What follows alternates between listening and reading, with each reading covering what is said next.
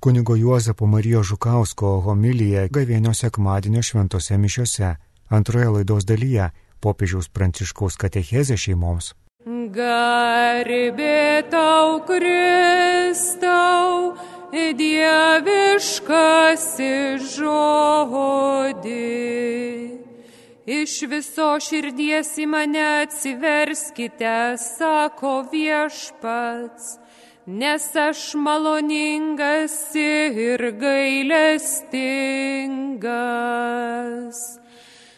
Garbė tau, Kristau, dieviškasi žodį.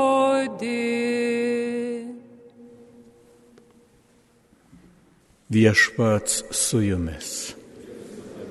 Pasiklausykite Šventojios Evangelijos pagal Joną. Jėzus nuėjo į alyvų kalną. Auštant, jis vėl pasirodė šventykloje. Visi žmonės rinkosi prie jo, o jis atsisėdęs juos mokė.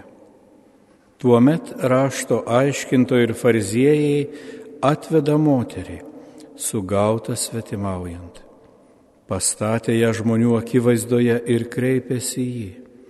Mokytojau, ši moteris buvo nutverta svetimaujant. Mozė mums įstatymę yra liepęs tokias užmušti akmenimis. O tu ką pasakysi? Jie tai sakė, spesdami jam pinklės, kad turėtų kuo apkaltinti. Bet Jėzus pasilenkęs ėmė pirštų rašyti ant žemės. Jiems nesiliaujant kamantinėti, jis atsitiesė ir tarė, kas iš jūsų be nuodėmės, tegul pirmas sviedžia į ją akmenį. Ir vėl pasilenkęs rašė ant žemės. Tai išgirdę, jie vienas po kito ėmė trauktis šalin, pradedant nuo vyresniųjų. Galiausiai liko vienas Jėzus ir ten bestovinti moteris. Atsitiesęs Jėzus paklausė, moterie, kur jie pasidėjo, niekas tavęs nepasmerkė. Jie atsakė, niekas viešpatie. Jėzus jai tarė, nei aš tavęs nepasmerksiu, eik ir daugiau nebenusidėk. Girdėjote viešpaties žodį. Evangelijos žodžiai tenaikina mūsų klaidas.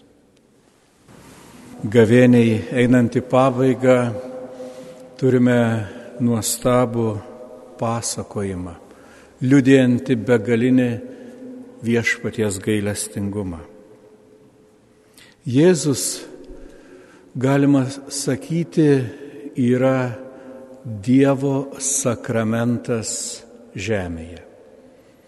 Turint omenyje, kad sakramentas yra regimas Dievo jėgos ir valios apsireiškimas pasaulyje. Taigi, kuomet Jėzus veikia ir kalba, nors ir prisidengęs žmogystę, jis veikia ir kalba kaip Dievas. Taigi šiandien nusidėjėlė atvedama Dievo akivaizdon ir tai, ką jisai sako, yra tai, ką Dievas tokiu atveju pasakytų. Regime sceną šventykloje, Jėzui bemokant, fariziejai ir rašto aiškintojai atveda moterį ir sako, ji buvo pagauta svetimaujant. Štai Mozė mums liepia tokias užmušti akmenimis. O ką tu pasakysi, ką tu liepsi daryti? Galime iškart pastebėti, kad jiems ne visiškai rūpi, ar tas įstatymas buvo vykdytas, ar jo buvo laikytasi, bet sako, jie tai darė spesdami jam pinklės. Ta moteris yra tik tais paprasta figūra jų žaidime, norint jį pagauti kalboje. Jis jau buvo nekarta kaltintas, kad yra nusidėjėlių bičiulis su jais valgo ir geria. Ir štai dabar žiūri, kaip jis elgsis. Jeigu jis ją pasmerks, bus galima sakyti, jis vieną šneką, kitą daro. Jeigu išteisins, sakys, jis nesilaiko įstatymu, taigi nėra Dievo žmogus. Tačiau čia Jėzus pasielgia labai ypatingai.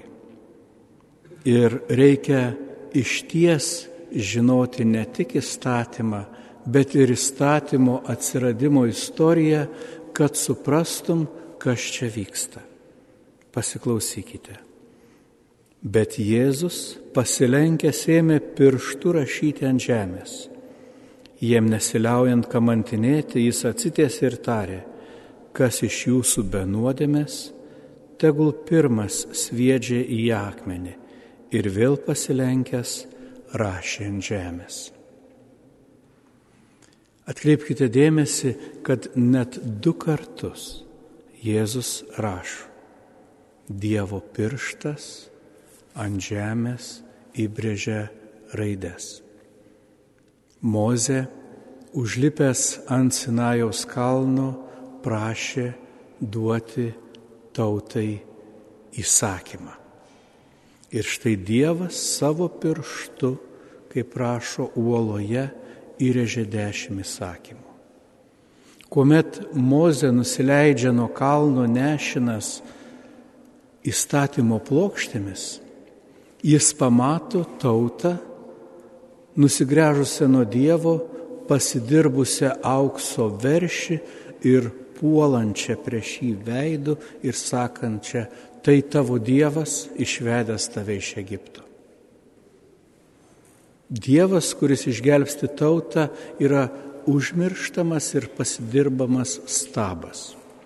Ir mozė rūstybės pagautas sudaužo tas įstatymo plokštės ir sako, jūs neverti būti Dievo tauta. Kas seka po to?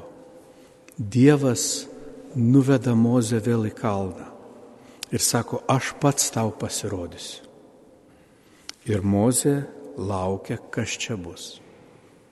Vyksta audra, vyksta vėjai, vyksta žaibai, bet visame tame nėra Dievo. Ir galiausiai švelnus vėjo dvelgsmas ir Mozė supranta, kad čia yra Dievas. Ir Dievas antrą kartą savo pirštu vėl surašo įstatymą. Ir Mozė supratęs, kad Dievas nėra tas audringas, greudžiantis, bet švelnus kaip vėjo dvelgsmas, parneša įstatymą tautai. Taigi įstatymas visų pirma paremtas gailestingumu, jautrumu ir atsargumu. Ir vyresnieji, kaip rašo, pirmieji pradėjo trauktis, išgirdę tą iššūkį, kas iš jūsų benuodėmės, tegul pirmas metą akmenį jie atsiminė, kad jeigu būtų laikomasi pažodžiui to, kas parašyta, ne tik, kad paties įstatymo nebūtų, jų kaip tautos nebūtų. Ir tik Dievo gailestingumo dėka jie yra.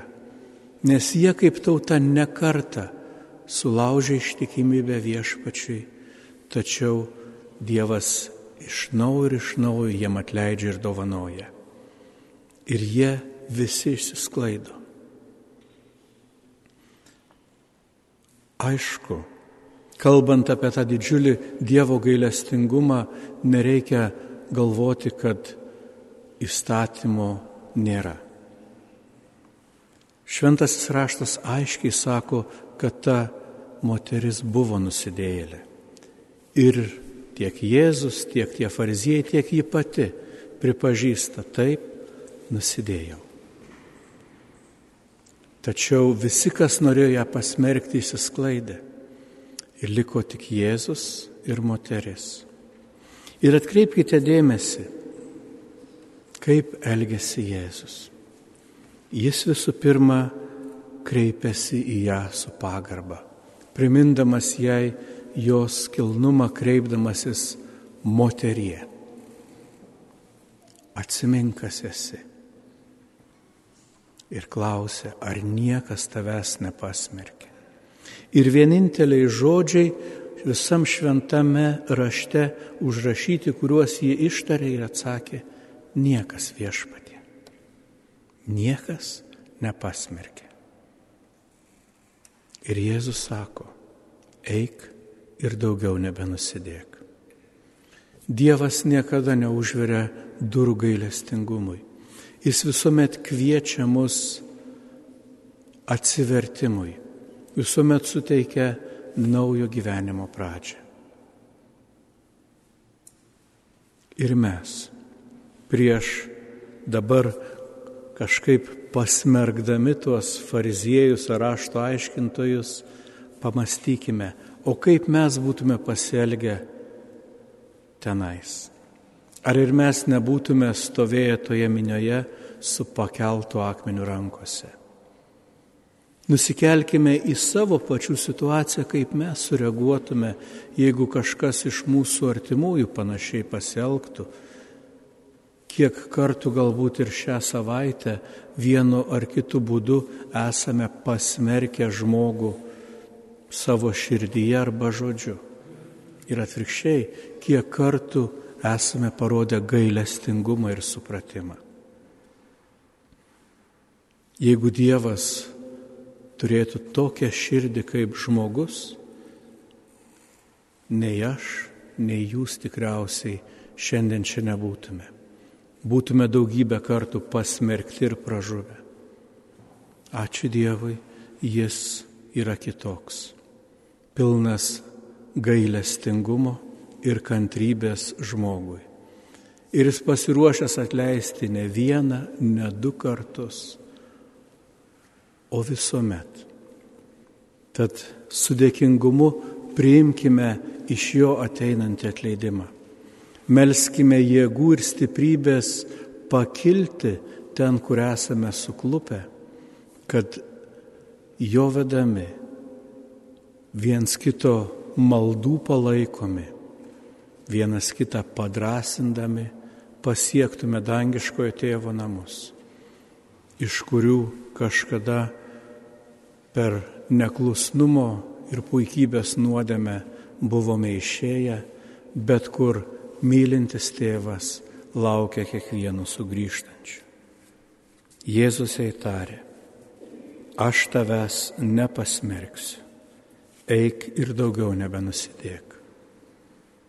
Jėzus ir mums šiandien sako, nei vieno iš jūsų aš nesmerksiu eikite, nenusidėkite ir nieko nesmerkite, duokite visiems galimybę gyventi.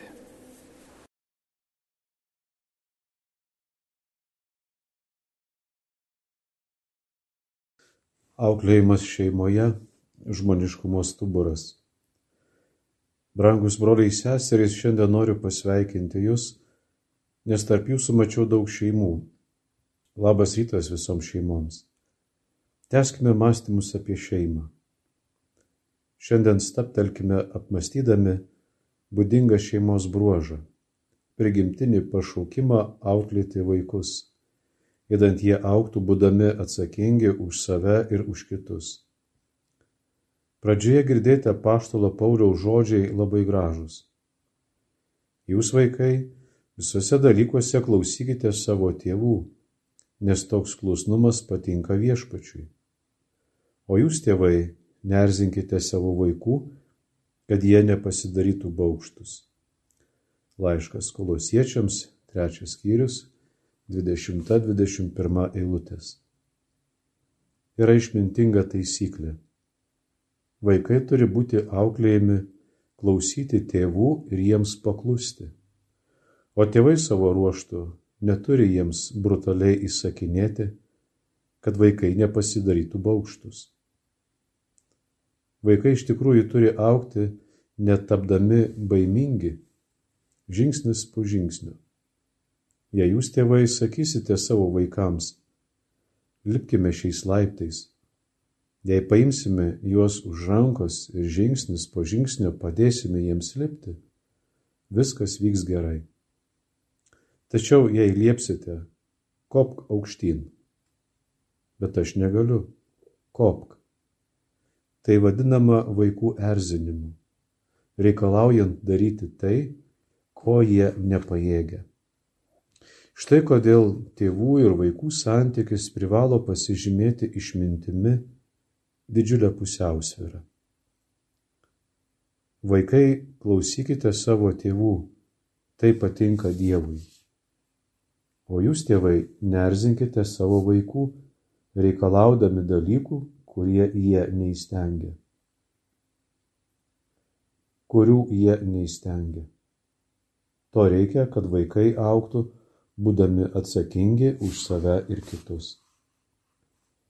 Tai atrodo akivaizdu, tačiau mūsų laikais netrūksta sunkumų. Sunku auklėti vaikus tiems tėvams, kurie savo vaikus mato tik vakare, grįžę namo pavargę po darbo. Ir tai, jei jiems dar pasisekė turėti darbą. Dar sunkiau įsiskyrusiems tėvams, nes juos slegia jų būklė. Vargšai, jie turėjo sunkumų, išsiskyrė ir dažnai vaikas tampa įkaitu. Tėtis netinkamai kalba apie mamą, o mama neigiamai atsiliepia apie, apie tėtį ir tai atneša daug žalos.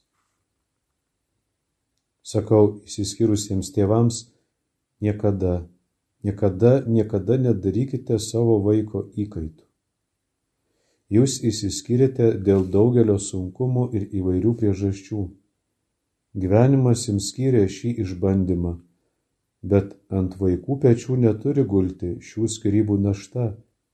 Jie neturėtų būti naudojami kaip įkaitai prieš kitą sutuoktinį. Jie turėtų aukti girdėdami mamos gerus atsiliepimus apie tėtį, nors jie negyvena kartu, o tėčio gerus žodžius apie mamą. Išsiskyrusiems tėvams tai itin svarbu ir labai sunku, bet jie gali tai daryti. Svarbiausias klausimas - kaip turėtume auklėti? Kokią tradiciją šiandien perduoti savo vaikams? Intelektualūs kritikai daugybę būdų užtildė tėvus, siekdami apsaugoti jaunasias kartas nuo tikros ar menamos šeimininio auklėjimo žalos. Be kitų dalykų, šeima kaltinama autoritarizmu, šališkumu, konformizmu, konfliktus sukeliančią emocinę priespaudą. Iš tikrųjų, tarp šeimos ir visuomenės atsiverė plyšys, buvo sulaužytas auklėjimo paktas tarp šeimos ir mokyklos. Taigi auklėjimo sandora tarp visuomenės ir šeimos pateko į krizę, nes buvo pakengta tarpusavio pasitikėjimui. Tai rodo daugelis simptomų. Pavyzdžiui, mokykloje tėvų ir mokytojų santykiai sukompromituoti kartais patiriama įtampa ir tarpusavio nepasitikėjimas. Žinoma, padarniai tenka vaikams. Kita vertus pagausėjo vadinamųjų kabutėse ekspertų, kurie imasi tėvų vaidmens net intimiausiais auklėjimo aspektais. Tie kabutėse ekspertai žino viską apie emocinį gyvenimą, asmenybę ir vystimasi teisės ir pareigas, jiems aiškus tikslai, motyvai, technikos. O tėvai tiesiog privalo klausyti, mokytis ir pritaikyti. Kadangi iš tėvų atimamas jų vaidmuo, jie dažnai tampa perdėtai baimingi ir savininkiški, tie, kad niekuomet neduoda vaikams pastabų. Kaputėse vaiko negalima barti. Tėvai yra linkę vis labiau pasitikėti tais, kabutėse, ekspertais, net subtiliausiais ir asmeniškiausiais gyvenimo klausimais, o patys tarsi pasitraukia į kamputį. Taigi šiandienos tėvams kyla pavojus patiems nusišalinti nuo savo vaikų gyvenimo. Tai labai blogai. Šiandien rasime panašių atvejų. Nesakau, kad taip visuomet atsitinka, tačiau tokių atvejų yra. Mokytoja mokykloje pabara vaiką, ir parašo pastabą tėvams. Atsimenu asmeninį atsitikimą. Siki, kai buvau ketvirtoje klasėje, pasakiau negražų žodį mokytojai, o mokytoja, gera moteris, iškvietė mano mamą. Motina kitą dieną pasikalbėjo su mokytoja, po to pakvietė ir mane. Tada mama mokytojas akivaizdoje man aiškino, kad tai, ką padariau, labai negražu. Taip neturėčiau elgtis. Tačiau mano mama kalbėjo labai švelniai ir paprašė manęs, kad jos akivaizdoje atsiprašyčiau mokytojos. Aš atsiprašiau ir buvau patenkintas, nes tariau savo, istorija gerai pasibaigė. Bet tai buvo tik pirmas jos skyrius. Kai parėjau namo, prasidėjo antrasis skyrius.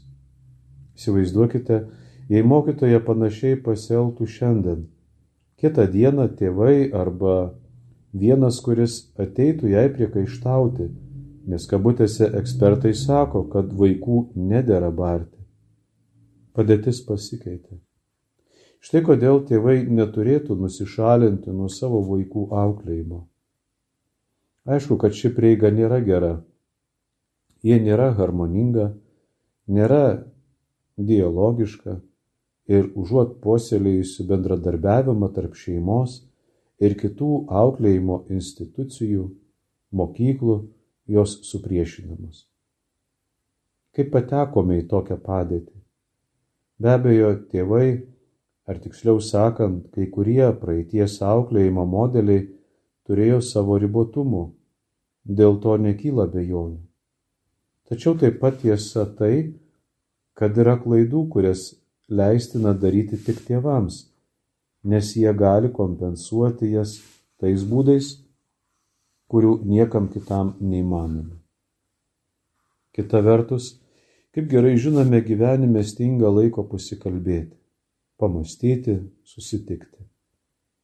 Daugelis tėvų tiesiog įkalinti savo darbe. Mama ir tėtis privalo dirbti, taip pat turi kitų rūpeščių Jiems sunku susidoroti su naujais savo vaikų poreikiais ir su šiandienos gyvenimo sudėtingumu, o jis yra toks, privalome jį priimti tokį, koks yra. Tėvai jaučiasi tarsi paralyžiuoti, bijodami padaryti klaidą. Tačiau problema neįsprendžiama vien kalbantis. Priešingai, paviršinis dialogas neveda į tikrą minčių ir širdžių susitikimą. Verčiau savęs paklauskime, ar mes stengiamės suprasti, kur iš tikrųjų yra mūsų vaikai savo kelionėje. Ar žinome, kur yra jų siela? O svarbiausia, ar norime žinoti? Ar esame įsitikinę, kad jie iš tikrųjų nelaukia kažko kito? Krikščionių bendruomenės yra pašauktos palaikyti šeimų auklėjimo misiją ir jos daro tai pirmiausia Dievo žodžio šviesoje. Apaštalas Paulius primena abipusės tėvų ir vaikų pareigas. Jūs vaikai, visose dalykuose klausykite savo tėvų, nes toks klusnumas patinka viešpačiui. O jūs tėvai, nerzinkite savo vaikų, kad jie nepasidarytų baukštus. Laiškas kolosiečiams trečias skyrius 20-21 eilutės. Visako pamatas yra meilė, kuri yra Dievo duota, kuri nesielgia netinkamai, neieško savo naudos, nepasiduoda piktumui, pamiršta, kas buvo bloga, visą pakelia, visą tiki, viskuo vilėsi ir visą ištveria. Pirmasis laiškas korintiečiams 13 skyrius 5-7 eilutės. Netgi geriausioms šeimoms reikia palaikymo. Reikia daug kantrybės palaikyti vienam kitą. Bet toks yra gyvenimas. Gyvenimas ne gyvenimas laboratorijoje, bet tikrovėje. Pats Jėzus buvo auklėjimas šeimoje. Taip pat šiuo atveju Kristaus meilės malonė veda į išsipildymą to, kas įrašyta žmogaus prigimtyje. Kaip daug nuostabių pavyzdžių, kai krikščionys tėvai yra kupini žmogiškosios išminties. Jie parodo, kad deramas auklėjimas šeimoje yra žmonijos stuburas. Jos spindėjimas visuomenėje yra šaltinis, leidžiantis kompensuoti tėvystės bei motinystės spragas, žaizdas ir tuštumas, kurias teko patirti mažiau laimingiems vaikams. Šis spindėjimas gali padaryti tikrus stebuklus. Bažnyčioje šie stebuklai įvyksta kasdien. Linkiu, kad viešpats išlietų krikščionių šeimoms jumise reikalingo tikėjimo, laisvės ir drąsos. Jeigu bus iš naujo atrastas iškilus šeimininio auklėjimo vaidmuo, daugelis dalykų pagerės. Tiek tikrumą praradusiems tėvams, tiek nusivylusiems vaikams. Laikas, kad tėvai ir motinos grįžtų iš savo tremties nes jie patys nusišalino nuo vaikų auklėjimo ir iš naujo pilnatviškai imtųsi savo auklėjimo vaidmens. Vilėmės, jog viešpats suteiks tėvams šią malonę - nenusišalinti nuo vaikų auklėjimo. Tai gali būti padaryta tik su meile, švelnumu ir kantrybė. Popiežiaus Pranciškaus katechezę šeimoms skaitė kuningas Aivaras Jurgilas Pirmoje laidos dalyje girdėjote kunigo Juozapo Marijos Žukausko homiliją gavėnio sekmadienio šventose mišiose.